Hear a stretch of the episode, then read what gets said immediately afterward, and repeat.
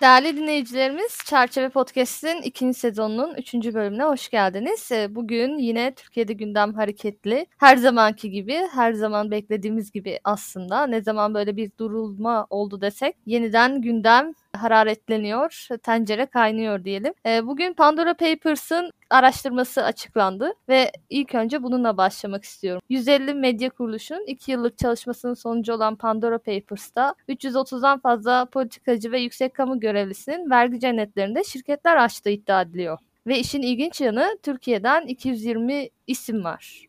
Özellikle e, gözler Rönesans Holding'e yöneliyor. Bunu yapan şirketler arasında Türkiye'de başı çektiği görülüyor. Merhaba İlkan, hoş geldin. Hoş bulduk Ayüce. Evet, ben böyle kısa bir girizgah yaptım. Ne dersin bu Pandora Papers'ın araştırmasıyla alakalı? Şimdi e, Ayüce bu Pandora Papers e, konusu aslında uzun zamandır gelen bir konu bu. E, şöyle bir gelen konu diye sana söyleyeyim. E, şimdi benim aklıma sen Pandora Papers dediğin zaman hemen bir e, bir yazar aklıma geldi. E, işte burada zaten e, çok da güzel Pandora Papers'a dair e, bazı insanlar referans da vermişler. Oliver Blow diye e, bir yazar var. Bu konularda e, çalışıyor yıllardır. Türkiye'de hı hı. Türkçe Türkçe'ye çevrilmiş bir kitabı var. Para Vatan diye çevrilmiş bir kitap var. Ben daha önce referans vermiştim evet. bu kitaba. Şimdi bu kitapta e, enteresan bir şeyden bahsediyor yazar e, Ayyüce genelde. Hani bir an hı hı. E, birkaç e, izlek üzerinden genelde parayı ve şirketleri ta, e, ta, e, takip ediyor. Ve e, özellikle Ukrayna'da yaşanan gelişmeler üzerine açıkçası kitabını yazmaya e, koyulmuş ve Ukrayna üzerinden başka ülkelere de e, ilgilenmiş. Biraz dağıl, hani dağılsa da ana konu e, başlıkları e, sabit hı hı. kitapta. Şöyle bir durum var Ayüce. Şimdi basit olarak yazar şunu söylüyor. Yani e, ülkelerde yolsuzluk var. Yani bir yolsuzluk diye bir şey var zaten dünyada doğru. Ama bu yolsuzluk denen meselenin e, ülkelerin ekonomilerine zarar veriyor oluşu, yani ülkelerin ekonomilerine makro olarak da zarar veriyor oluşu aslında daha ziyade şeyden kaynaklanıyor. E, ülkeler arasındaki bu para e, devri daiminden kaynaklı. Paranın yurt dışına çıkışının, girişinin bu kadar rahat olmasından kaynaklanıyor diye. Yazan öyle bir tezi var ve bunun da da şunu söylüyor. Yani diyor ki tamam dünyada antidemokratik ülkeler var. Evet yani bunlar antidemokratik ülkeler, gelişmemiş ülkeler, yolsuzluk olan ülkeler. Doğru. Ama yolsuzluk olan, antidemokratik olan ülkelerin ekonomilerini esas mahveden şey demokratik olan ülkelere de paralarını yollayabiliyor antidemokratik ülkelerdeki yolsuzluk yapan şahsiyetler. Yani para aslında bir kapalı e, şeyde kalmış olsa hmm, atıyorum e, sınırlı bir e, mekanda kalmış olsa hani birisi yolsuzluk yapar, birisi yolsuzluk yapmaz, hı hı. birisi avantaj sağlar, diğeri avantaj sağlamaz ama totalde bakarsanız o ülkedeki ekonomi aynı noktada kalır diyebilirdiniz. Hı hı. Yani orada e, belli bir sıkıntılar, sorunlar olsa da ülkenin genel ekonomisine bu kadar büyük etkisi olma, olmayacakken yolsuzlukların ülkelerin ekonomilerini alt üst edecek seviyeye gelmesini sağlıyor bu bir yandan. Yani yolsuzluğu e, katlıyor. Bu paraların bu kadar rahat hareket edebiliyor oluşu. Çünkü e, hep dünyada hırsızlık, yolsuzluk diye bir şey var. Ama hırsızlık, yolsuzluk denen şeyin yanında şöyle bir durum var mesela. Senin evine hırsız geldi, girdi diyelim tamam mı? Ee, şimdi e, sen atıyorum Ankara'dasın. Senin evine gelen hırsız bir para çaldı. E bu parayı yine Ankara'da harcayacak. Anlatabiliyor muyum? Evet. Sonuçta Ankara'nın ekonomisi açısından senin açından olumsuz bir şey ama Ankara'nın ekonomisi açısından çok bir şey değişmiyor teknik olarak. Şimdi evine hırsız girmesi. Ama evet e, evine gelen hırsız Ankara'dan çaldığı parayı atıyor Londra'ya yollayabildiği zaman e, işin rengi biraz değişiyor. Bir, bir defa bunu söylemek lazım. Doğru. Ve e, özel... Zaten bu... Pandora Papers da buna dikkat çekiyor. Yani vergi cennetlerinde şirketler açtığı iddiası var. Tabii. Özellikle yüksek kamu görevlilerinin. Yani burada zaten 2-3 e, aşamalı durum var. Yani burada bu Pandora Papers'taki hikaye zaten dünyada uzun süredir konuşuluyor bunlar. Yani bunlarda e, işte İsviçre üzerine yapılan baskılar vardı hatırlarsın. Daha öncesinde bu Panama Papers vardı. Bu dünyada bir gelen bir dalga aslında. E, yavaş yavaş e, bakalım ne kadar yükselecek bu dalga. E, onu ben de merak ediyorum açıkçası. E, 11 Eylül sonrasında bu işler birazcık daha ciddiye büründü ayrıca. Şöyle ki hı hı. 11 Eylül'de şunu gördüler Amerika'da. Yani onlarca işte orta sınıf Arap genci bunlar çok zengin ailelerden gelen çocuklar değillerdi ama hani şey çok fakir de değillerdi ama bir yandan da şu 10 bin dolarlık e, kişi başına neredeyse tutan e, uçuş eğitimlerini alabildiler bunlar Florida'da. Şimdi bu Arap gençleri uçuş eğitimleri almak için e, Florida'ya gittiler. Orada bir yerlerde kaldılar. Hı hı. Uçuş eğitimleri ucuz eğitimler değil bunlar. Bu uçuş eğitimlerini aldılar.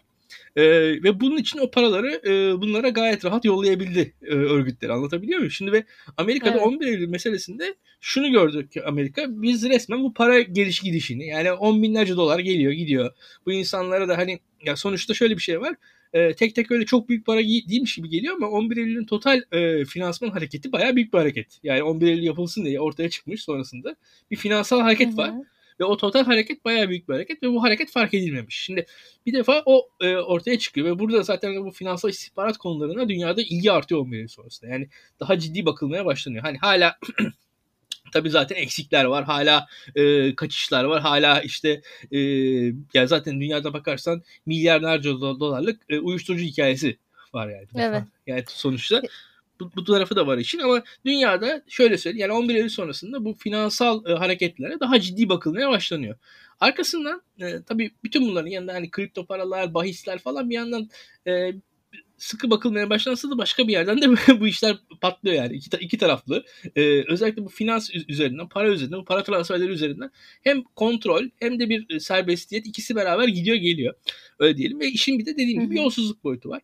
Bütün dünyada özellikle otoriter ülkelerde e, liderlerin çok ciddi paraları var. Bu, bu paraları da yönetiyorlar ve bu paraları genelde dünyadaki zengin ülkelerde tutuyorlar. Ve e, zaten burada mesela bu Oliver e, Blow'un e, Oliver Blow'un yaptığı e, bu Para Vatan kitabında da özellikle İngiltere'yi kendi ülkesini eleştiriyor ve diyor ki yani hı hı. siz burada e, yüzeyde e, işte diyorsunuz ki mesela Ukrayna'ya sen antidemokratiksin. Sende yolsuzluk var. Sen işte kurumların iyi çalışmıyor. Sen e, e, senin mesela e, atıyorum devlet sisteminde e, rüşvete yer var falan diye eleştiriyorsun ama o ülkelerde bu dediğin, eleştirdiğin sistem üzerinden kazanılan paranın İngiltere'ye gelmesi konusunda en ufak bir ya ben buradaki yolsuzlukla kazanılmış parayı istemiyorum diye bir tavır koyamıyor İngiltere diye eleştiriyor. İngiltere gibi, İsviçre gibi ülkelerde hani dışarıda aslında siz böyle e, güya insan hakları, güya işte kurumların yap, yıpranması vesaire eleştiriyorsunuz ama e, burada bu, bu kadar yolsuzluklarla kazanılmış paraların e, o ülkelere gir, girişinden en ufak bir şikayetiniz yok diye eleştiriyor. Şimdi aslında burada biraz da bu noktanın ortaya çıkması gerekir diye düşünüyorum. E, dünyada Hı-hı. antidemokratik ülkeler var ve bu antidemokratik ülkelerde kurumsal yolsuzluk var ve bu kurumsal yolsuzluksa ancak e, şöyle bir durum var e, bu kurumsal yolsuzluk da aynen e, bu zengin ülkeler olmadan yapılabilecek bir şey değil. Çünkü e, antidemokratik ülkenin içerisinde kalsa para, o yolsuzluk yapanlar açısından da o para güvenli bir şey olmaz ve bir yerden sonra o yolsuzluğu da manasız hale getirir diye düşünüyorum. Öyle söyleyeyim. Evet. Ve burada e, bizim açımızdan şu e, ortaya çıkıyor. E, yani sistem aslında dünyada bir yolsuzlukla mücadele edilecekse global olarak mücadele edilmesi gerek. E, sonuç alınabilmesi için. Sonuç alınabilir mi kısa vadede? Kolay kolay alınamaz onu da söyleyeyim. Ama e, biraz biraz farkındalığımız artıyor diyebilirim ancak. Evet. Ya kesinlikle küresel bir e, yani e, mücadele ortaya konulması gerektiği ortada aşikar. Ama e, tablonun Türkiye tarafına geldiğimizde de e, Rönesans Holding'in son 5 yılda yaklaşık 16 milyar liralık ihalenin 10 milyar liralık kısmını aldığı e, bu belgelerde ortaya konuluyor ve bunları yine vergi cenneti ülkelere e, aktardığı söyleniyor. E, sen Türkiye'de yolsuzluklarla ilgili ne düşünüyorsun? Şahsen ben bugün bu haberi duyduğumda kendime şunu söyledim. Yani artık Türkiye'de yolsuzluklara yönelik bir resmi açıklama gelmesi için yani kaç çeşit, kaç envai çeşit daha belgede bunların ortaya konulması gerek diye düşünüyorum açıkçası. Ee, sen bu yozlaşma ile ilgili neler söylersin? Yani şu anda şöyle bir şey var ayrıca. Türkiye'de e, bizim açımızdan hani yolsuzluk e, birkaç seviyede yapılıyor. Yani bu nedir? Bir alt seviyede yapılan bildiğin işin hırsızlık tarafı. Bir diğeri hı hı. E, zaten hani daha orta seviyelerde yapılan e, bir şekilde daha ortaklaşa yapılan şeyler. Bir de bu en üst seviyede yapılan şey. Şimdi mesela burada bu yapılan eylemlerin hepsi aslında legal. Burada esas sıkıntı orada. Yani işte atıyorum yani burada e, teknik olarak bu yapılan işlemlerin hepsi legal. E, burada bunun bir yol olarak ortaya konmuş olması bunun hani e, şöyle bir şey var artık şu yapılan işlemlerin legal olduğunu biz düşünerek hani bilerek aslında sistemin e, bu şu hareketler legal kardeşim işte hani nedir işte e, bir minik ada devletinde e, şirket açılır. Oraya para yollanır. Oradan para başka bir yere yollanır. Bunlar hareket, bunların yapıldığı bilinerek sistemin kurulması Hı-hı. gerekiyor aslında. Bizim sistemin kendisine dair e, belli kısıtlamalara gitmemiz gerektiren gitmemiz gerektiren şeyler. Çünkü mesela şöyle söyleyeyim ben. Yani senin mesela gidip e, atıyorum evine e, ya da işte arsana işte iki kat daha fazla imar almak için yapacağın işler değil bunlar yani. Burada işte 300 milyon dolar oraya yolla, oradan 200 milyon dolar getir, orada 200 milyon. Evet. Ya bu işler bu işler zaten legal olarak yapılan işler zaten. Sıkıntı orada. Onu söyleyeyim ben. Ya bunun haricinde zaten e, Türkiye'deki e, şöyle bir, Türkiye'de bir de daha alt düzeyde mesela. Bir de mesela bizim vatandaşlık sıkıntılarımız vardır. E, işte bir yurt dışından çok rahat Türkiye Cumhuriyeti vatandaşı oluyor birçok kişi. En son işte ifşalarda falan da gördük. Yani ya orada e, şöyle bir durum var. Basitçe söyleyeyim ben sana. Şimdi sen bankaya gitsen 10 bin dolar çekeceğim ben desen. Ya 10 bin dolar buraya yatıracağım desen. Bankada sana sorarlar. E, Ay Yüce Hanım bu 10 bin dolar nedir? Yani ne parası bu? Evet. Hani sen arabanı mı sattın 10 bin doların var? Nereden geldi? Hani bunu sorarlar. Ama ya şöyle bir şey var. E, belli bir tanıdığın varsa sormazlar. Hatta 10 Hı-hı. milyon dolar yatıracak olsan hiç sormazlar. ya bu, bu, bu iş bir de öyle gidiyor Türkiye'de. Yani Türkiye'de mesela ya gerçekten de e, basitçe hani aramızda bankaya giden gelenler vardır, freelance çalışanlar vardır falan. Herkes bilir yani böyle 2000 lira 3000 lira falan bankada birine para yatırın. Ona izah get sorarlar bankada yani. Yani bu ne, ne parası, nedir, ne değildir falan. Yani düşün işte e, ben senden borç alsam ve ondan sonra 2 ay sonra ödesem e, ve bunu banka üzerinden yapsam banka bana sorar bu para nedir diye yani. Ve orada bir izah o, o yeri vardır falan filan ama burada bir noktada sistem kendini açığa çıkartıyor. Yani aslında biz hani cash paradan e, kayıtlı paraya e, şey yani hani bankaya e, girmesi sistemin aslında bir yandan olumlu ama orada e, yani kaydın içerisinde de saklamanın yollarını insanlar buluyorlar. E, ve daha, Zaten daha ziyade belirtin... küçük insanlar yakalanıyor yani burada. E tabi. Zaten belirttiğin şey e, ahbap çavuş kapitalizminin kendisi yani legalitede e, serbest piyasanın kuralları bozulmamış gibi görünüyor. Her şey usulünce yapılıyor ama aslında baktığında içeri daha derinden e, incelediğinde meseleyi o serbest piyasa bir siyasal piyasaya dönüşmüş olduğunu görüyoruz biz. E, ve bu siyasal piyasa e, dış görünüşü bozmuyor ama içerideki tüm yapıyı alt üst ediyor. E, ve bu yolsuzluklar gerçekten e, Türkiye'de soruşturulması gereken en azından e, hesap verme gereği duyması gereken yani yalanlama da olsa yalanlama yapma gereği duyması gereken bir e, konu diye düşünüyorum hükümet tarafından. Ancak buna dahi şu an e, yani buna karşı bile bir adım atılmış e, değil. E, ben şu konuya geçmek istiyorum buradan da.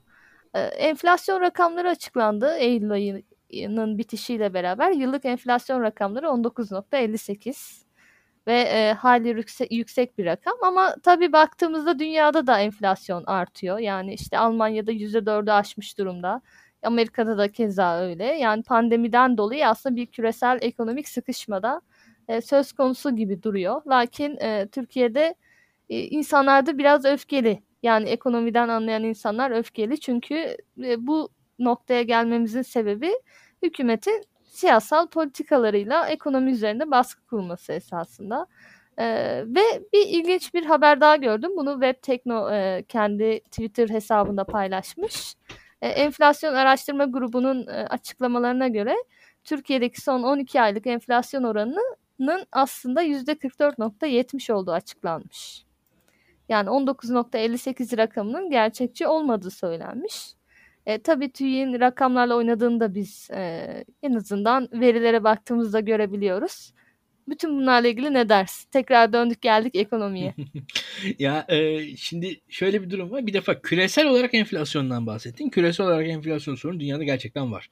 Hatta e, biz şimdi bol bol Merkel yayını yaptık. O Merkel yayınlarında Almanya ekonomisine değinsey miydik, değin, değinmese miydik diye düşündüm. Hakikaten Almanya ekonomisine değinseydim gerçekten de Almanya için mesela tarihinin e, yakın tarihin en yüksek enflasyonları. %4-5 gibi e, enflasyonlar konuşuluyor şu an Almanya'da. Bunlar Almanya için çok yüksek.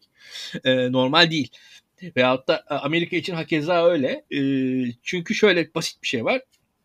İşte pandemi desteği diye biz hep konuştuk ya e, daha önceki başka yayınlarımızda falan işte Almanya şöyle destek verdi, Amerika böyle destek verdi falan dedik. Şimdi Almanya, Amerika şöyle böyle destek verdi dediğimiz şeylerin aslında arkasında ülkeler para basıyorlar teknik olarak. Ve bu Evet. E, ve bu paralar basıldı. E, bir şekilde halka dağıtıldı. Halk da bu bunları bir şekilde kullanmaya başladı.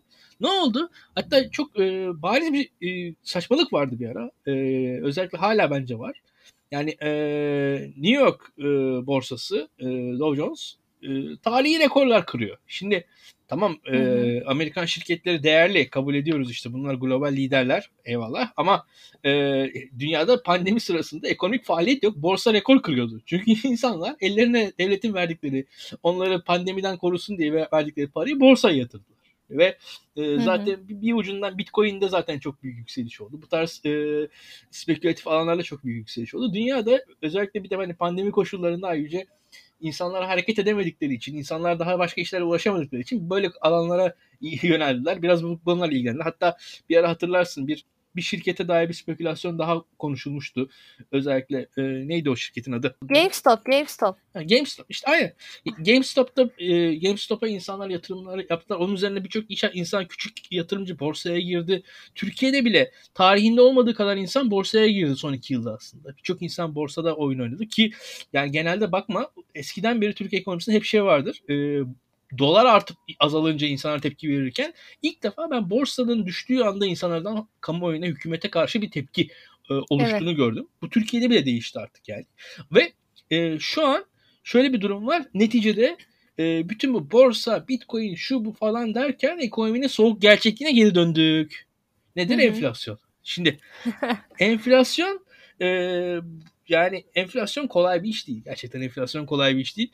Almanya'da da enflasyon var şu anda. Özellikle gıda sektörü gibi alanlarda enflasyon var. Hatta bu şeyle de birleşti ayrıca. Ee, tedarik zincirlerinde sıkıntılar hala var pandemiden dolayı. Evet İngiltere'de özellikle işte e, tır e, sektöründe çalışacak şoför bulunamaması problemi var ve akaryakıt sorunu çıkıyor bundan dolayı. Kesinlikle öyle. İngiltere'deki olay birazcık daha Brexit kaynaklı deniyor ama İngiltere dışında da e, gemicilik alanında sıkıntılar var.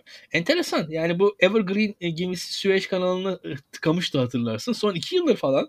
Daha öncesinde bizim e, şeyler vardı. E, işte bizim Nadir hocamız var hatırlarsınız zaten. O mesela Singapur'dan Avustralya'ya taşınırken e, bu konteyner sıkıntısından dolayı gemi bulamadılar. Yani gemi bulamadı derken kendi e, ev eşyalarını Singapur'dan Avustralya'ya gemiyle yollayacaklar. Ve bu kendi eşyalarını işte kitaplarını vesaire daha özel şahsi eşyalarını yollayacakları gemi kalkamadı. Konteyner bulamadığı için. Hı hı. Yani bu, bunu, bunu mesela bizim ben Nadir'le konuştum bunu mesela. Gerçekten böyle sorun vardı. Şu an tüm dünyada ulaşım, lojistik alanında sıkıntılar yaşandı. Özellikle mesela bu tarz uç noktalar işte Singapur, Avustralya arasında sıkıntı yaşandı. Yine aynı şekilde e, Çin e, çok asimetrik bir ticaret yaptığı için dünyada şöyle bir durum var. Şimdi Çin Çin'den konteynerler gidiyor ama konteynerlerin Çin'e gelmesi için bir e, vesile olmuyor bazen. Çin'in biraz ithalat yapması gerekiyor. O dengesiz ticaret de dünyayı bozuyor. Şimdi e, ciddi ciddi konteyner sıkıntısı vardı vardı dünyada. Hala var. E şimdi buna e, ulaşım alanında sıkıntılar eklendi. E, ve bu ilk başta en büyük e, sıkıntı şuradan e, başladı, patladı. Yani yükte hafif, pardon yükte ağır pahada hafif nispeten e, gıda sektörü üzerinden başladı hı hı. iş. Yani gıda fiyatları artmaya başladı ve gıda ithalatı falan da daha tüm, tüm dünya zorlaşacak. İthalatı, ticareti falan da sıkıntıya gireceğini tahmin ediyorum ve bu gıda fiyatlarının genel artışına yol açacaktır. Şimdi burada da e, bütün dünyada da enflasyon yavaş yavaş yükseliyor. Çünkü e, hükümetler para basıp piyasadaki para miktarını arttırdılar. Ticaret zorlaşıyor. Hı hı üretimde sıkıntılar olmaya başladı. Ve burada e, geçen sürede bu e, ertelenen tüketim de onun üzerine tekrar binmeye başladı. Ve en sonunda da e, yasaklar tüm dünyada azalıyor e, pandemiden dolayı getirilen yasaklar. O yasakların e, azalmasıyla beraber hayatın geri dönüşüyle tüketimin tek artması. Ya e, ama şey de bulunamıyor. Yani karşıda ürün de mal da bulunamıyor ve burada da tüm dünyada enflasyonist bir baskı hareketi ortaya çıktı. Şimdi öyle bir şey ki bu dünya bunu belki de şöyle söyleyeyim. Yani petrol krizinden sonra ilk defa yaşıyor aslında. Evet. Yani evet. ve gerçekten de e, çözümü yani bir, bir çözüm var. Çözüm nedir? Çözüm e, frene basılmasıdır. Yani frene basılması ne demek? Dünyadaki zengin ülkelerin merkez bankalarının faiz arttırmasıdır. Yani Hı hı. yani bu dünyada ama e, şu an frene basabilir mi dünyadaki zengin ülkelerin merkez bankaları? Çok da zannetmiyorum. Yani e, kolay değil. Garip bir noktadayız şu anda. Yani hatta ben şöyle söyleyeyim. Ben e, Batı dünyasında da enflasyonun düşük gösterildiğini düşünüyorum. Onu da söyleyeyim yani. yani e, oradan aldığım benim Hangi ülke mesela? ya Amerika'da, Almanya'da falan ben daha Hı hı. yüksek ol- olabileceğini düşünüyorum yani yüzde çünkü çok para basıldı ve e, sistemlerde orada da sıkıntılar olacaktır diye düşünüyorum. Türkiye'de Türkiye'deki olay e, dediğinin bir kademe üstü. Yani Türkiye'de Evet. Türkiye'de bu anlatılan yani yüzde 5-10 seviyesinde falan bir artış dünyada var. Dünya bunun e, şokunu yaşıyor. Türkiye'de olay yüzde yani Türkiye'de biz şu an yüzde 19-20 falan hikaye yani orada dediğin Hikaye, gibi yüzde tabii. 40'lar falan. Türkiye'de bambaşka bir olay var. Türkiye'de gerçekten enflasyon var ve yani biz mesela hani e, diğer yayınlarda da insanlar şeyi konuşuyorlar işte e, kira fiyatlarını konuşuyorlar. Şimdi e, kira evet e, kiralar artıyor. Ev sahipleri e, birçokları işte şey diyor vurguncu falan diyor doğrudur. Ama yani benim mesela hep verdiğimde bir örnek var.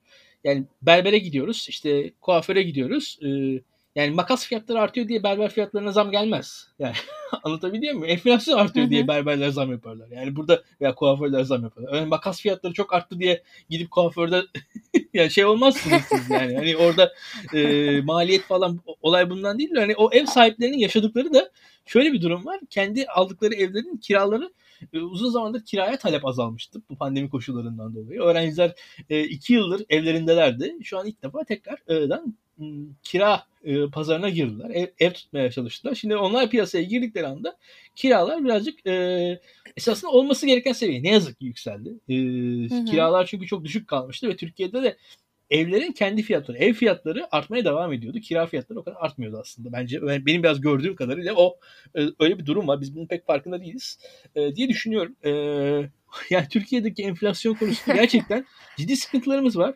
Hmm, Yani ya şöyle fiyat, bir araya şöyle söyleyeyim ben ayrıca sana. Fiyat Hı hı. istikrarı e, uzun vadeli kalkınma açısından çok önemli. Ama fiyat istikrarına e- erişmek için e, kemer sıkılması gerekiyor. Dünyada da evet. bu anlattığım e, enflasyonist baskı döneminden dünyadaki medeni ülkeler faizleri arttırarak çıktılar. Ancak bugün faizleri arttırmaya kadar e, arttırmaya cesaretleri var mı dünyadaki medeni ülkelerin? Bence yok.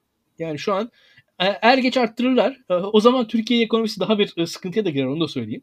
Türkiye e, özellikle Hı hı. dolar falan çok ciddi artabilir o zamanlarda. Ama Tabii. enflasyonun artışı e, şöyle Türkiye gibi ülkelerde e, yani sürekli bir vergi demektir. Sürekli bir şekilde Hı hı. paranın e, devlete doğru e, kaydırılması demektir. E, cepteki paranın e, sürekli değerinin kaybolması demektir. Ve yani ahlakın, vicdanın, insanlığın falan hakikaten bozulması demektir. Enflasyon ahlakı diye bir şey var. Evet, Gerçekten enflasyon ki. ahlakı diye bir şey var ayrıca. E, şimdi şunlar söyleniyor. İşte fırsatçılar deniyor. Doğrudur. Yani hakikaten doğrudur. Fırsatçılar var. Ama yani e, fiyatların artmadığı bir dönemde fırsatçı olacak insanların fırsatçılık yapacak imkanları Ya bu kalmaz. biraz da öngörülemezlik nedeniyle olmuyor mu İlkan yani? Bir piyasa neden fırsatçılık yapma ihtiyacı duyuyor? Çünkü bir ay sonrasını kestiremiyor ne Tabii ki. olacağını. Yani Fiyatların ne kadar ya zaten artacağını. şu var. Fırsatçılık dediğin şey kendini korumak aslında bir yerden sonra teknik olarak. Şimdi E tabii. sana şöyle söyleyeyim. Şimdi diyelim senin cebinde 3000 TL var. Ee, bir an bir bakıyorsun euro artmış. Euro artar artmaz yani hemen akla şey geliyor ya ayakkabıyı 2 ay sonra al, alacaktın belki de ya şimdiden alayım nasıl zamlanır diyorsun. Şimdi bu da fırsatçılık Tabii. aslında. Bu yaptığın doğru bir şey ama teknik olarak fırsatçılık bu bir şey fırsatçılık denebilir. Ee, yani burada biz e, daha şeyleri göreceğiz. Stokçuluk falan e, konuşulacaktır Hı hı. Türkiye'de. Hı hı. İşte mesela bir ara geçen sene vardı soğan depolarına baskınlar falan. ya şimdi o soğan depolarına baskınların daha kötüsünü görebiliriz. Onu, onu sana söyleyeyim. Ki Tabii. e, işte zaten burada Ya bu rakamlar şu. onu gösteriyor en azından. Ya burada Öyle olacağını şu, gösteriyor. özellikle hani e, gıda harcamaları yani giyim harcamaları gibi değil ertelenemez harcamalar bir anlamda ve özellikle gıda harcamalarında falan biz tepkiyi daha net görürüz. Yani reaksiyonu e, daha net görürüz diye düşünüyorum. E, ne yazık ki durum kötü yani şu anda. Ha bu e, fiyat istikrarını sağlamak için belli bir süre yüksek faize ihtiyaç var. Ne yazık ki e, dünyadaki Ve tam tersini yapıyoruz şu anda. e, şimdi o o zaten ama biraz uzun vadeli politika. Şunu da söyleyeyim. Yani yüksek faiz iyidir de demiyorum ben. Ama ya bu işi dünya öyle çözmüş. Yani frene basarak çözmüş. Enflasyonu e, hani acı reçete deniyor ya. Hani acı reçete, kemer sıkma falan hep deniyor. O acı reçete ve kemer sıkma dediğin şey yüksek faizdir. Ve hani vatandaş için acıdır. Yani burada da şunu söylemem lazım yani hani hepimizin e, faizler artsın falan diye ben de hani bir e, propaganda yapmayı yani bir aydın olarak kendime çok yakıştırmam. Çünkü hı hı. sıradan vatandaş için faizlerin artması kötüdür yani. O açıdan da hani e, herkesin böyle heyecanla faiz artışını savunması da doğru da değildir. Onu bir yandan bilerek savunmak lazım. Yani o iş uzun vadeli ve kapsamlı bir ekonomik planın çerçevesinde olursa olur. Yani ben o açıdan e, hatta bir, bir yerden sonra şeydim. Yani şu hükümet faiz arttırsa ne arttırmasa ne noktasındaydım. Yani o kadar da e, bir politikayı bu hükümet bağlamında destekleyesim de yok. Yani arttırırsa da olur, arttırmasa da olur. Benim için artık çok fark etmez. Çünkü uzun vadeli kapsamlı bir politika sergileyebileceğimizi hiç düşünmüyorum ben. Tabii yani çünkü her ne kadar faiz artırarak bu iş çözülse de ya bu tek atımlık kurşun gibi. Yani bizim daha yapısal reformlara ihtiyacımız var ekonominin tekrar rayına oturması için. Ve yine e, klasik bir devlet refleksimiz gösterdik bugün. Her zamanki gibi işler kötüye gittiğinde devletin müdahalesi Türkiye'de artar. Ve anlamsızca devlet bunu çözebileceğine inanır. Serbest piyasadaki problemleri. E, ve Cumhurbaşkanı Erdoğan bugün bine yakın tarım kredi kooperatifi marketi açılacağını söyledi. En kısa zamanda ve onun değişiyle süratle. Sen bu konuda ne düşünüyorsun? Yani e, açsın devletimiz. Devletimiz büyüktür. Devletimiz güçlüdür. E, çok bir ya ben e, burada şey var hani hangi ürünler satılacak? Nasıl satılacak? Nereye kadar satılacak? Kimlere satılacak? E, bunu görmek lazım. E, bu uygulama sürdürülebilir uygulama mı? Ne kadar kalıcı olacak? Ne kadar ya mali... Bence kesinlikle olmayacak İlkan ya. Yani Lezzet Ankara dahil, Tarım Kredi işte meselesi dahil. Bunların hepsi yani ancak zaten serbest piyasa gibi rekabet ettiğinde ayakta durabilir. E, bunun derdi ucuz hizmet sunmaksa ayakta kalması çok zor yani. Devletin sübvanse etmesi anlamına e, tabii gelir. ki ya zaten buradaki hikaye şu. E, Türkiye'de 5 milyon devlet memuru var şu anda. E, bu 5 milyon devlet memurunun yanına e, siz ilk başta şey yapacaksınız. Zaten hali hazırdaki memurlardan bir kısmı buralara kaydırılacaktır. Ve orada hı hı. E, çalışan maliyeti olmadan, e, mekan maliyeti olmadan kendilerince bir şekilde bir alış satış yapacaklar e, çalışan mekan e, maliyeti, vergi maliyeti olmadan yapılan satışlarda ilk başta bazı yerlerde iyi fiyatlar görülecektir diye tahmin ediyorum ama uzun vadeli olarak sürdürülür, sürdürülür mü? Hiç zannetmiyorum. Ya bu klasiktir. Yani, şöyle... yani şimdi yani şu an düşün Ayice. Senin zaten e, parana daktilo veriyor tamam mı? Sen de bir yandan domates sattırıyorsun. Şimdi biz o zaman şey yani maaşını başka bir işten kazandığın için sen aslında domates satmaya satarken domatese kendi maaşının e, karını koymadan satabiliyorsun ve o yüzden de hani domatesi do- diğer domatesçilerden ucuza satıyorsun. Aslında sen tabii yani sen tabii aslında Daktilo tarafından finanse ediliyorsun ama ama domates de ucuza geliyor ya vatandaşa. Ben mesela şey eminim ki eminim ki bu tarım kredi kooperatifi marketlerinden böyle teneke teneke ya da teker teker böyle kaşar falan götürür insanlar. Tabii. Devletin malı olduğu için yani. Böyle ya. tabloları da bir şekilde denk geliriz ya buna da eminim. Ya açıkçası şimdi görmek lazım onu. Ee, orada şunu, şunu tahmin edebiliyorum ben. Yani e, hangi ürün ne zaman e, rafta olacak olmayacak falan o ilginç olacaktır orada. Ben de orada ürünleri, rafları falan çünkü bu işlerde şeyde tedarik zinciri hikayesi gerçekten hani hep diyorum ya bunlar kolay işler değil. Bunlar öyle çok kolay organize edilecek evet. işler değil. Ee, şunu da söyleyeyim tabii ben yine hani az önce faiz meselesinde dediğim gibi Türkiye'deki e, zincir marketler yapısı da tartışılmaya açıktır. Onu da söyleyeyim. Yani biz burada hı hı. ben böyle aman tanrım ne güzel zincir marketlerimiz var. Bunlar çok güzel işler yapıyorlar diyecek birisi de değilim. Çünkü e, en azından şu e, sırf hani sol bir düşünce üzerinden gelerek olmasa da mesela liberal bir düşünce üzerinden gelerek de olsa şuna bakarım. Yani tüm, tüm Türkiye'de böyle e, az sayıda e, marketin bu kadar rahat domine etmiş olması öyle çok e, özgür serbest rekabet koşullarına oluşmuş bir şey değil. İşte burada da bir terslikler var aslında Türkiye'de. Belli oluyor onu hissedebiliyorsun. Yani gerek çünkü bu şirketlerin e, hükümetle olan siyasi yakınlıklarının olması falan te- çok tesadüf gelmiyor bana ve e, belli bir sosyal durumu içeriyor bu. Hem işte ürün kalitesi tartışmalı, çalışanlara olan muamelesi tartışmalı falan. Orada bir belli sıkıntılar olduğunu ben seziyorum. Burada e, bu marketlerin belli bir e, hani ne diyelim şu anki hallerinin çok doğal, doğru, normal bir hal olduğunu düşünmüyorum. Yani orada şöyle bir şey var. Yani bu marketlere yapılan müdahaleleri liberalizm dışında görüyor insanlar. Doğru. Ama bu marketlerin buraya gelişlerinde de liberalizm dışında hadiseler var. Onu da bilmek lazım yani. O kadar da hani e, düz bu marketleri savunacak noktada değilim ben. Ama şu var. Şu anki tartışmalarda da aslında hükümetin anlattığının tam tersine bir durum var. Şöyle bir durum yaşanıyor.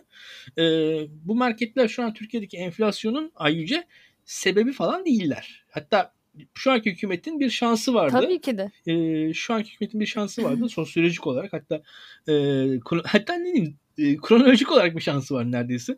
Şöyle ki e, Çin Dünya Ticaret Örgütü'ne 2000'lerin başında girdi. Şimdi Çin Dünya Ticaret Örgütü'ne 2000'lerin başında girdikten sonra dünyada çok büyük ticaret yapmaya başladı. Ve dünya ticaretini çok ciddi domine etmeye başladı. Hatta e, o zamanlar hatırlayanlar vardır. Mesela milyoncular diye bir loka, e, pardon milyoncular diye mekanlar açıldı böyle. Daha öncesinde işte 10 milyon lira 20 milyon lira olan şeyler bir anda Çin'den ithal edilerek 1-2 milyon liraya satılmaya başlandı. O zaman henüz 6-0 atılmamıştı. Ve hı hı. E, bu ekonomik kriz şartlarında da insanlar o milyonculardan bayağı alışveriş yapmaya başladılar. O Çin ithalatının etkisi orada görülmeye başlandı. Arkasından bu milyoncuların getirdiği yani bir baskı oldu. Yani fiyatlara Çin ticareti Türkiye'deki fiyatlara baskı yapmaya başladı. Mesela neyin fiyatlarını atıyorum. Mesela plastik oyuncak fiyatları düşün tamam mı? Bu plastik oyuncak fiyatlarına çok ciddi Çin baskısı olmaya başladı. İşte buna mesela şey diyebilirsin işte e, plastik çatal başak fiyatları atıyorum işte plastik piknik seti fiyatları falan böyle ucuz e, şeyler falan onların fiyatlarını Çin ciddi baskı yapmaya başladı. Çin ticareti aslında AKP'nin ilk dönemindeki enflasyonla mücadelesinde çok ciddi e, faydalı oldu. Ve buna şey de eklendi. Bu zincir marketler de eklendi. Zincir marketlerde nispeten daha e, reklamsız, e, pazarlama harcaması yapmayan e, direkt Anadolu'daki ufak şirketler üzerinden ürettik, ürettikleri ürünlerle fiyatlı fiyatlar üzerine baskı kurdular. Ve bu başarılı bir şekilde aslında e, hükümetin enflasyonla mücadelesine katkıda bulundu. Hatta yani e, 90'larda yani şöyle söyleyeyim 2000'lerin başında hükümetin enflasyonu düşürmekte nispeten daha başarılı olması sebeplerinden ikisi de bunlardı. Şu anda e, artık e, global konjonktür de az önce anlattım. Çok da enflasyonla mücadelenin yanında değil. Şimdi buna da yani burada da hükümet aslında e, sorumlu olarak şeyi görüyor işte bu zincir marketleri görüyor ama zincir marketler sorumlu değil yani burada o, o gözüküyor çünkü e, gerçekten de yani en basitinden söyleyeyim ben. Yani yediğimiz peynirlere bakıyoruz tamam mı? Yani ben e, peynir kalitemizin düştüğünü görebiliyorum. Yani Hı hı. İşte e, kendim belli bir yaş grubundayım. Ben mesela hani yediğim sucuğun kalitesinin azaldığını, arttığını görebiliyorum. Tükettiğim... Ya da o, o eski kaliteye ulaşmak istediğinde yani ciddi anlamda fiyat artışını karşılaman yani, gerekiyor. Hani bu, bu anlattığım böyle hani gurme kalitelerden falan bahsetmiyorum bu arada. Onu da söyleyeyim yani izleyicilere. Yani ben ben gerçekten tükettiğim ürünlerde mesela fiyatların artmadığı zaman kalitenin düştüğünü görebiliyorum. Ee, Birçok üründe fiyatlar üzerinde zaten yani yoğun devlet kontrolü var. Türkiye'de öyle e, bakmayın siz. Yani, yani serbest piyasada fiyatlar oluşuyor falan diye bir durum yok. Devlet gayet her şeyin içerisinde. E, işte hı hı. burada süt fiyatlarından tutun başka yerlere kadar. Yani devletin öyle e, kontrolü dışında absürt fiyatlar öyle kolay kolay konulabilecek bir şey değildir. Ki ha şu var. Gerçekten de mesela e, şunu biliyorum. Bu bu firmaların e, fiyatlarını birbirlerine bakarak yani belirledikleri açıktır. Ama burada şöyle bir durum var. Birbirlerinden çok fazla uzaklaşamayacaklarını gösteren bir şey. Zaten bu rekabetin doğal sonucu olan bir şey e, diye düşünüyorum. Orada e, çok uca kaçarlarsa e, bu, buna yine rekabetçi fiyatlar bir şekilde e, ortaya çıkabilir diye, diye düşünüyorum ki e, yani ilk başta zaten hükümet bu firmalara destek vererek aslında e, bu beş firmanın yapılaşmasını yapı, e, ortaya çıkmasını sağladı. Yoksa Türkiye'de e, birçok yerde yerel market zincirleri vardı. Yerel market zincirlerinin ayakta kalmaması zaten e, o yerel market zincirlerinin e, varlıklarını bir hükümet bir şekilde destekleyemedi. Hatta e, bu kooperatif diyorsun. E, bu kooperatifler de yine e, merkezi olarak değil de yerel olarak e, ortaya çıkabilseydi bence daha e, olumlu olabilirdi diye düşünüyorum hatta. Onu da söyleyeyim, onu da ekleyeyim. E, bakalım yani ben çok başarılı bir işleyiş e, çıkacağını düşünmüyorum hükümetin kuracağı yapıdan ve özellikle e, ürün tedariği konusunda da e, sıkıntılar yaşayacaklardır. İlk başlarda hı hı. belli ürünlerde çok güzel iyi fiyatlar biz burada göreceğiz. Hükümetin kurduğu yapılarda eminim. Ama e, hemen hemen e, işte 15 gün sonra falan Akabinde. e, belli ürünlerin orada olmadığını görmeye başlayacağız. Belli ürünlerin eksik geldiğini Hı-hı. görmeye başlayacağız. Fiyat e, ürün kalitesinde sıkıntılar çıkacaktır. Çok başarılı bir şekilde sürdürülebileceğine inanmıyorum. Ha böyle bunun dışında da şu var. bu işlerin arkasında şu vardı. Küçük esnaf bu işin e, küçük esnaf küçük esnaf dedi dedi hükümet. O küçük esnafa da hiçbir katkısı olmayacak bütün bunların. aynen, aynen öyle. Zaten yani şu, şu an Türkiye'de işte vergi cennetlerine para kaçırmakla olsun, yolsuzlukla olsun e, ülkenin bütün yükü orta sınıfa ve işte küçük esnafa binmiş durumda. Ee, ve bugün aslında çok uzattık diyelim. Hızlıca bir kapanış yapalım. Bir sonraki bölümümüzde görüşmek üzere diyorum. Sana da görüşürüz İlkan. Hoşçakalın.